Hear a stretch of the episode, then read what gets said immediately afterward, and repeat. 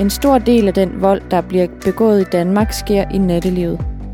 Når alkoholindtaget stiger og nattetimerne bliver sene, så vokser antallet af voldsepisoder og skadestuebesøg drastisk.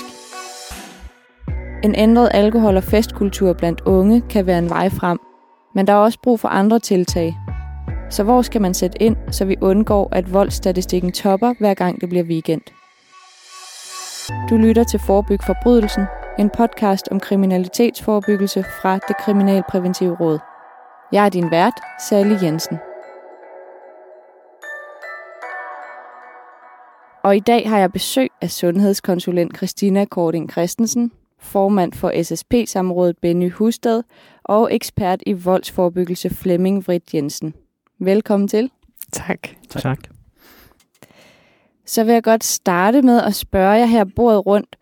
Hvis I nu kun må sige med én sætning, hvad er så det vigtigste for at få et trygt natteliv? Kan jeg måske starte med dig, Flemming? Puha, øh, jeg tænker tværfaglige partnerskaber med helhedsorienteret tiltag. Benny? En grundlæggende kultur, hvor vi opfører os ordentligt over for hinanden. Den tror jeg, jeg vil tilslutte mig. Og så med sådan en lille kobling af det her med fællesskaber. Altså virkelig at være sammen. Mm. Meget forskellige bud. Lad os øh, snakke ned i det. Benny Husted, du er formand for SSP-samrådet, som er foreningen for SSP-samarbejdet rundt om i kommunerne, hvor I mere, i mere end 40 år har arbejdet med unge og festkultur. Hvorfor fører det til vold, når unge drikker og færdes i nattelivet? Jamen helt grundlæggende, så kan vi jo tage det her gamle med, at man drikker hjernen ud. Ikke? Altså der sker jo et eller andet med vores påvirkning af vores normer og vores rammer og vores evner til at styre os selv, når vi har drukket alkohol. Og det er det, der betyder noget i, i nattelivet. Det er simpelthen nemmere at komme til at komme op og slås. Det er nemmere at blive påvirket af nogle følelser, der gør, at man ryger ud over kanten i en eller anden sammenhæng, og dermed gør noget, som er uhensigtsmæssigt, er farligt, er ulovligt, eller ja, er voldeligt på en eller anden måde. Christina Korting Christensen, der har den seneste tid været en stor offentlig debat om, hvordan man skaber et trygt natteliv for unge, blandt andet med forslag om at indskrænke åbningstiden for bar og diskoteker og stoppe salg af alkohol til unge under 18. Du er sundhedskonsulent i Aarhus Kommune, hvor I har lavet en plan med syv punkter, der skal ændre alkoholkulturen blandt unge. Vil du ikke starte med helt kort at rise de vigtigste punkter op? Jo, det kan jeg godt. Øh, jeg tror faktisk, jeg vil starte med de unge selv. Øh, de unge, de ved, hvad der virker. Så når der skal ændres en alkoholkultur hos de unge, primært selvfølgelig også voksne, men når der skal ændres den her alkoholkultur, så er det vigtigt, at vi lytter, inddrager, lad de unge skabe den selv. Selvfølgelig med en god, kærlig hånd i ryggen, men virkelig lytter. Øh, så er der et, et forældreansvar der er rigtig vigtigt at have med, øh, når vi snakker en ændret alkoholkultur, der skal starte i både folkeskole, men også på ungdomsuddannelserne. Og så er der også det her med de, vi snakker om det som alternative fællesskaber, positive fællesskaber, noget hvor man også kan være sammen og have det sjovt, men hvor omdrejningspunktet ikke nødvendigvis er alkohol. Det kan være lige fra skakklubber til øh, at gå til håndbold i en god, dejlig lokal forening eller andet. Flemming Vrit Jensen, du er ekspert i forebyggelse af vold hos det Kriminalpræventive Råd. Hvor stort et problem er vold i nattelivet sammenlignet med vold generelt? Det er et godt spørgsmål, og mig bekendt er der ikke en statistik, der kan give et præcist svar på det spørgsmål. Eller der foreligger i hvert fald ikke en lige nu. Øh, det vi ved, det er, at volden har en tendens til at koncentrere sig på fredag og lørdag. Det er omkring halvdelen af al volden, der begås der, hvis man kigger på dem, der har været udsat for vold. Vi kan se, at det er typisk i de sene nattetimer tidligt på morgenen, og vi kan se, at alkohol er ofte en del af billedet. Så det giver jo samlet set et, et ret klart billede af, at, at en del af det i hvert fald foregår der. Hvis man kigger så mere konkret på det, kan man sige, at offerundersøgelsen, som jo spørger danskerne om, hvorvidt de har været udsat for forskellige ting. Når man spørger, hvorvidt man har været udsat for vold, jamen så er det 13 procent, der angiver, at de har været udsat for vold i 2020 i forbindelse med et udskænkningssted. Det er jo sådan ret konkret, men jeg tror, at det vil underestimere nattelivsvolden, fordi en stor del af volden foregår jo ikke nødvendigvis på udskænkningsstederne, men på gaderne, i transporten og andre steder i nattelivet.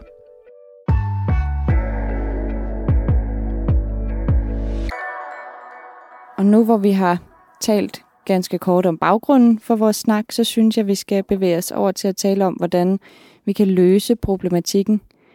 Christina, hvordan tror du, at jeres plan for en ændret alkoholkultur kan være med til at skabe et mere trygt natteliv? Jamen, som sagt, så er det når, at man bliver rigtig fuld, kunne jeg lige forstå på Benny. Altså, øh, og når man drikker rigtig meget som ung, at ulykkerne sker, volden, og ja, også dem, som bare er ulykker. Øh, ved rent faktisk at gøre altså, unge meget mere bevidste om, hvad det er for en kultur, der er, og også øh, på den måde øh, ændre det ved, at man sagtens kan være en del af det her fællesskab, uden nødvendigvis at drikke. Altså øh, at lempe lidt op for, jamen kan man være en del af festen uden at være rigtig fuld? Altså kan man være en del af festen, hvis man bare står med en enkelt drink eller et alkoholfrit alternativ? Jamen så er man jo rigtig godt på vej, tænker jeg, til at at skabe et tryggere natteliv, hvor folk rent faktisk er bevidste. Altså hvor folk øh, også ændrer, når øh, måske en, en ked af det øh, veninde går ud helt alene, øh, eller øh, når nogen gerne vil hjem, eller har det dårligt. Der bliver jo et, en større bevidsthed og et større sammenhold, tænker jeg. Og hvad er de vigtigste punkter fra jeres planer for indført, hvis det skal gøre en forskel? Jamen, et sted at starte er jo i hvert fald i hele sådan folkeskolen og på ungdomsuddannelserne. Altså det er jo nogle af de sådan rammer, vi har som kommune selvfølgelig for at, at ændre alkoholkulturen. Øhm, her kan vi jo gøre noget i tæt samarbejde jo også med forældrene. Altså hvordan bruger man skolerne og ungdomsuddannelserne til også at støtte det arbejde med forældrene, øh, der kan sætte nogle rammer for de unge, øh, fordi man jo også ved, at jamen det, at forældrene har en klar holdning til de unges alkoholforbrug, gør rent faktisk, at de unge bliver mere bevidste omkring deres indtag. Øhm, og så er der jo også, kan man sige, hele, ja, hele nattelivet selvfølgelig, altså den ansvarlige udskænkning, det her med at have alkoholfri alternativer tilgængelige. Øhm, da vi lavede den her syvpunktsplan, havde vi jo også øh, både politiet med, men også øh, vores, øh, altså vores øh, øh repræsentanter for vores natteliv, som faktisk allerede, og det var jeg sådan lidt overrasket over, faktisk gør ekstremt meget for den ansvarlige udskænkning. Altså det ligger dem helt vildt meget på sinde, at folk har en god oplevelse ved at være i byen. Og mange af de ting, de, de gør, øh, var jo altså meget overraskende for mig. Og noget af det, de faktisk selv bragte på banen, var, jamen, kunne vi gøre mere for de, altså for de ligeværdige al- alkoholfri alternativer, sådan så at man ikke kun drikker alkohol fra, når du kommer klokken 12 måske, til når du går hjem klokken 5. Kunne man rent faktisk bløde det lidt op, så at man også kan være med uden at, uden at drikke alkohol, eller lige så meget alkohol i hvert fald. Og det var udskænkningsstederne selv, der... Det var det, ja. Det, det ville de rigtig gerne være med til, i hvert fald i Aarhus, og sagde også, at de så det faktisk lidt som en udfordring. Altså, nå, jamen, det kunne da også være spændende at lege med smag, og altså lege med nogle af de her ting, der gør en, en drink rigtig spændende. Jamen, hvordan gør vi en alkoholfri drink rigtig spændende? Øh, for det er jo vigtigt at sige, det handler jo ikke om, at de ikke skal sælge alkohol. Det handler jo bare om, at de skal sælge mere af det andet. Flemming, kan du forestille dig, at en ændret alkoholkultur kan være med til at forebygge vold i nattelivet? Jeg mener ret, øh, jeg er ret sikker på, at øh, det at adressere alkoholforbruget øh, er et væsentligt element i en forebyggelsesstrategi. Ja. Og det mener jeg dels fordi, at vold ofte opstår, eller ofte optræder i voldssituationerne, men også hvis man kigger på, hvad der er dokumentation for har virket forebyggende, altså hvad har man kunne se rent faktisk kan være med til at reducere voldshændelser i nattelivet, jamen så er det nogle af de, øh, flere af de indsatser, de har haft et helt specifikt fokus på at prøve at fremme ansvarlig udskænkning. Og det er øh, kort fortalt, at man ikke skænker alkohol til mindreårige, og man ikke skænker alkohol til synligt meget berusede personer. Og det har vist sig at, at have en effekt. Så det, det, det, øh, det, det kan man sige, det, det er et, et centralt element. Og hvad er sammenhængen så imellem mellem alkohol og vold? Altså meget tyder på, at når man kigger på voldshændelser i nattelivet, så er det typisk øh, konflikter, der opstår spontant, øh, der får lov til at eskalere. Og, øh, og hvorfor alkohol, det er ligesom Benny han nævnte, altså der er det jo teorier, der prøver på at forklare, hvad, hvad, hvad er sammenhængen mellem aggressioner, eller alkohol og aggressioner. Og nogle af de nyere, der så også har fået en del, øh, øh, hvad skal man sige, øh, støtte i, i, i psykologiske eksperiment, det er det her med, at vores opmærksomhed bliver reduceret, at vi har en tendens til at stige os blind på noget. Og det vil sige, en, en reel provokation eller en oplevet provokation vil lige pludselig stå meget klart frem, og en række andre omstændigheder i situationen, der vil være formidlende, eller måske vise, at det vil være noget andet på spil, har du ikke det samme blik for. Og du har måske samtidig en, en, en, øh, et behov for at reagere og tænke ligesom over fremtiden. Så på den måde, så kan kombinationerne af mange mennesker samlet øh, i, i de her situationer skabe nogle konflikter, der eskalerer under stærk alkoholpåvirkning. Benny, som en, der kender til de unges verden, når det kommer til fester og natteliv, hvilke af de her initiativer tror du så vil kunne få den stærkeste effekt? Jamen, jeg tror, vi, jeg tror, det er rigtig vigtigt, at vi ikke tænker i et initiativ, men at vi tænker i rigtig mange initiativer. Det her, det skal angribes med sådan en multifacetteret løsning, kan man sige. Hvis man skal gøre det sådan lidt enkelt, så kan man sige, at vi skal i hvert fald angribe de der tre punkter, der hedder rammer, retning og relationer. Øh, rammer i forhold til, at vi har en helt klar øh, øh, regelsæt for, hvad man må og hvad man ikke må. Og det er jo der, hvor man blandt andet, øh, det at kunne hæve aldersgrænsen til 18 år i forhold til selv alkohol, ved vi, der vil kunne have en, en ret stor betydning. Det andet, det er retning, og det drejer sig omkring normer. Hvad er det for nogle normer, vi gerne vil have? Altså sæt en tydelig retning i forhold til, hvad er det egentlig, hvordan vil vi gerne have, at man har det, eller opfører sig over for hinanden og sammen øh, i et eller andet fællesskab der er i hvert fald god grund til at prøve at, i den sammenhæng at gøre lidt ved alkoholkulturen og fokusere lidt på den, og så sige, hey, er der ikke nogen ting, vi kan lave om på øh, i, i den måde, vi går til det på? Fordi rigtig mange unge har alt for meget fokus på, at man skal være øh, stangstiv, i stedet for at, øh, øh, at, at drikke øh, til et eller andet øh, rigtig godt øh, punkt, hvor alle har det, har det fint.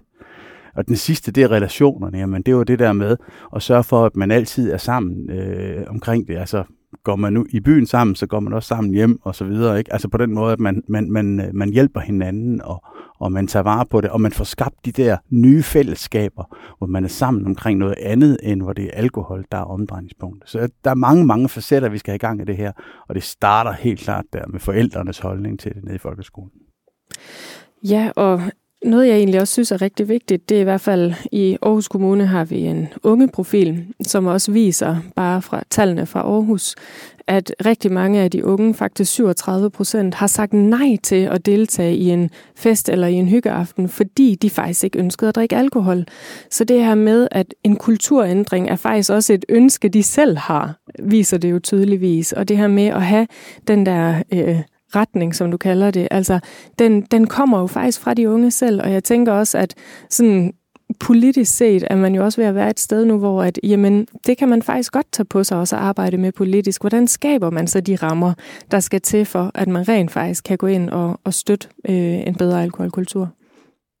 I gamle dage, der var det sådan, som man havde, eller gamle dage, da jeg startede som SSP-konsulent tilbage for 20 år siden, der var det sådan, så at et af de første tiltag, der kom på i forhold til alkoholforebyggelse, det drejer sig om øh, et koncept, hvor man kan sige, man kaldte det fryspunktet. Altså tænk tilbage på enhver fest har et tidspunkt, der hvor alle er glade. Alle smiler til hinanden. Man har fået lige lidt at drikke. Man er glad og godt tilpas. Øh, der er ikke nogen, der har begyndt at kravle gardinerne endnu. Der er ikke nogen, der har begyndt at hende, der sidder og plejer at komme til at sidde og tude hen i et hjørne, hun er ikke begyndt at tude endnu. De to, der plejer at komme op og slås, de er heller ikke kommet op og slås endnu. Alt er bare fryd og gammel. Ikke? Prøv at forestille sig, hvis man kunne holde festen fest, fast på, på det niveau. Altså blive ved med at være der. Vi ved jo, at alle fester, de er der på et tidspunkt, og på et tidspunkt så tipper de over, og så begynder det bare at gå ned ad bakke. Den eneste afgørende ting, der har med det at gøre, det er mængden af alkoholindtagelse. Så det er sådan lidt et spørgsmål om, kan vi styre den, så vi kunne blive på det der punkt, hvor alle har det fedt?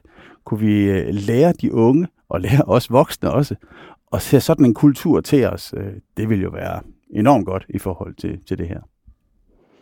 Og ved du egentlig, Benny, hvad der tidligere har virket i forhold til at påvirke de unges festkultur? Ja, men det har jo i hvert fald været det her med rammer. Altså, vi ved jo helt sikkert, at de ting, der har betydet noget, har jo selvfølgelig været noget med, med, med lovgivning i forhold til det. det. På det tidspunkt, hvor man satte 15 års aldersgrænsen og 16 års aldersgrænsen, 18 års grænsen, har det haft en, en virkning på det her. På det tidspunkt, hvor man begyndte at arbejde strategisk med det, med at rent faktisk at involvere forældrene og lave forældre- og alkoholaftaler, der har det haft en betydning og en virkning i forhold til det her. Så, så, så mange af de her måder, vi kan påvirke det her på, er faktisk af strukturel karakter. Og jeg tror, vi er nødt til at forstå, at hvis vi skal ændre på unges alkoholkultur, så skal de ydre rammer også ændres lidt. Øh, fordi ellers så, altså, det, det kan ikke gøres alene med en dialog. Øh, det tror jeg simpelthen ikke på. Nej, og nu vil jeg bare lige tilføje det her med rammerne, fordi øh, Island har jo faktisk lavet den her model, hvor at de har knækket alkoholkurven, kan man sige, øh, for deres unge øh, rigtig, rigtig drastisk over de sidste 20 år, og er også sådan, har, for et par år siden var de, var de ret op i vælten med, med alt det, de gjorde.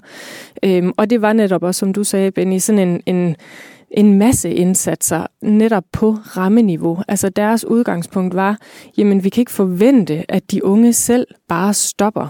Vi er de voksne, vi må skabe et samfund, hvor de har det godt uden alkoholen. Så de satte jo netop også både ind på rammerne i skolen, de fik koblet et foreningsliv på, så de unge havde noget at give sig til, og fik nogle gode venner og nogle gode fællesskaber. Og i øvrigt, så måtte man ikke, øh, så skulle al alkoholen på Island er jo gemt væk, ligesom cigaretterne herhjemme så du kan ikke se det. Så tilgængeligheden er også en helt anden. Så det her med øh, ret, eller det her med rammerne, har bare en rigtig stor effekt. Øh, og må jeg så lige tilføje også, på, bare på tobaksområdet kan vi jo også se det i Danmark, at det, det betyder rigtig meget for, hvordan vi, vi agerer. Jamen, jeg vil bare tilslutte mig, at øh, jeg tænker også, når vi snakker om alkoholkultur, så er det vigtigt at huske på, at det er jo både et udbud og en efterspørgsel, og derfor må vi både kigge på normerne blandt de unge, men vi må altså også kigge på de rammer, og hvordan det er, at alkoholen bliver tilgængelig, og hvordan vi også som udskænkningssteder lignende kan lave en kultur med den måde, vi markedsfører vores, øh, vores alkohol på.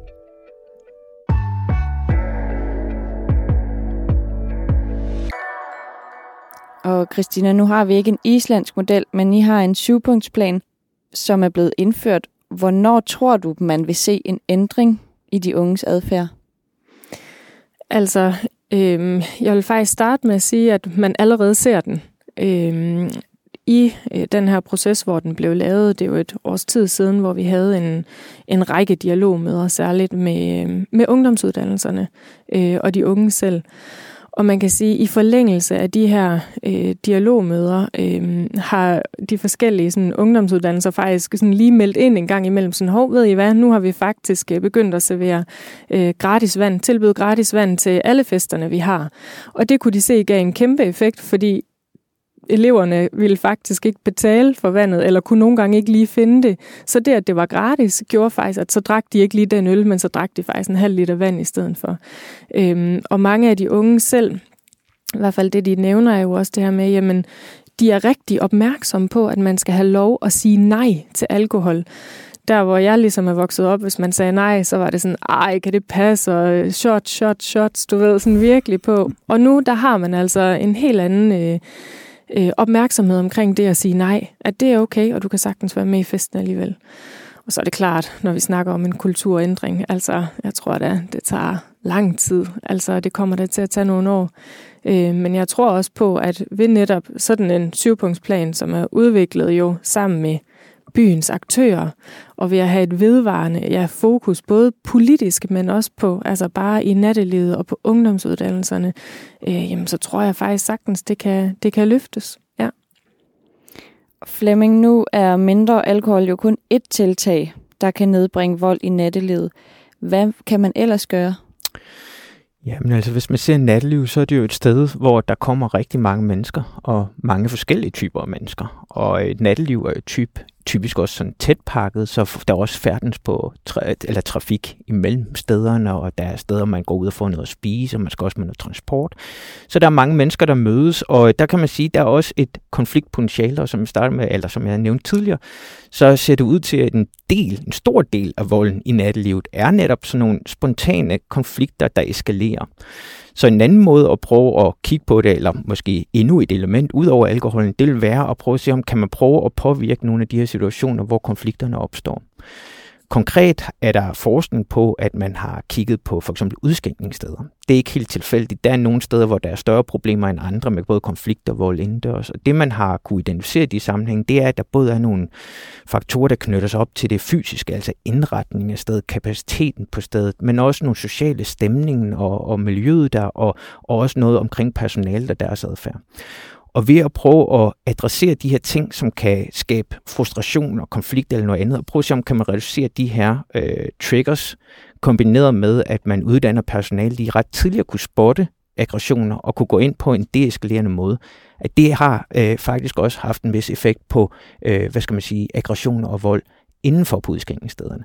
Det jeg bare tror, der hele tiden er vigtigt at være opmærksom på, det er, at nattelivet er ikke bare det, der foregår indendørs. Mange udskænkningssteder har jo en række forebyggende mekanismer i dag, og det vil sige, det kan hurtigt blive gaden, der bliver det mindre, øh, hvad skal man sige, det område, hvor der er mindre opmærksomhed eller mindre til at gå ind og intervenere. Så, øh, så, så, så det, nu kommer jeg lidt tilbage til det, jeg startede ud med, de her tværgående eller tværfaglige partnerskaber og holistiske tilgang. Det er jo et forsøg på at prøve at sige, kan vi i vores øh, by, i vores øh, natteliv, prøve at få et blik for, hvor er det, at der særligt forekommer de her problematiske situationer, og kan vi gå ind og på en eller anden måde blive klogere på, hvad er det, der trigger det, at det mange mennesker, der mødes, står de lang tid ude ved vejen og venter på at kunne komme hjem med enten taxa eller noget andet. Altså klumper de sig eller noget andet, der gør, at vi kan gå ind og prøve at, at dæmme op for det.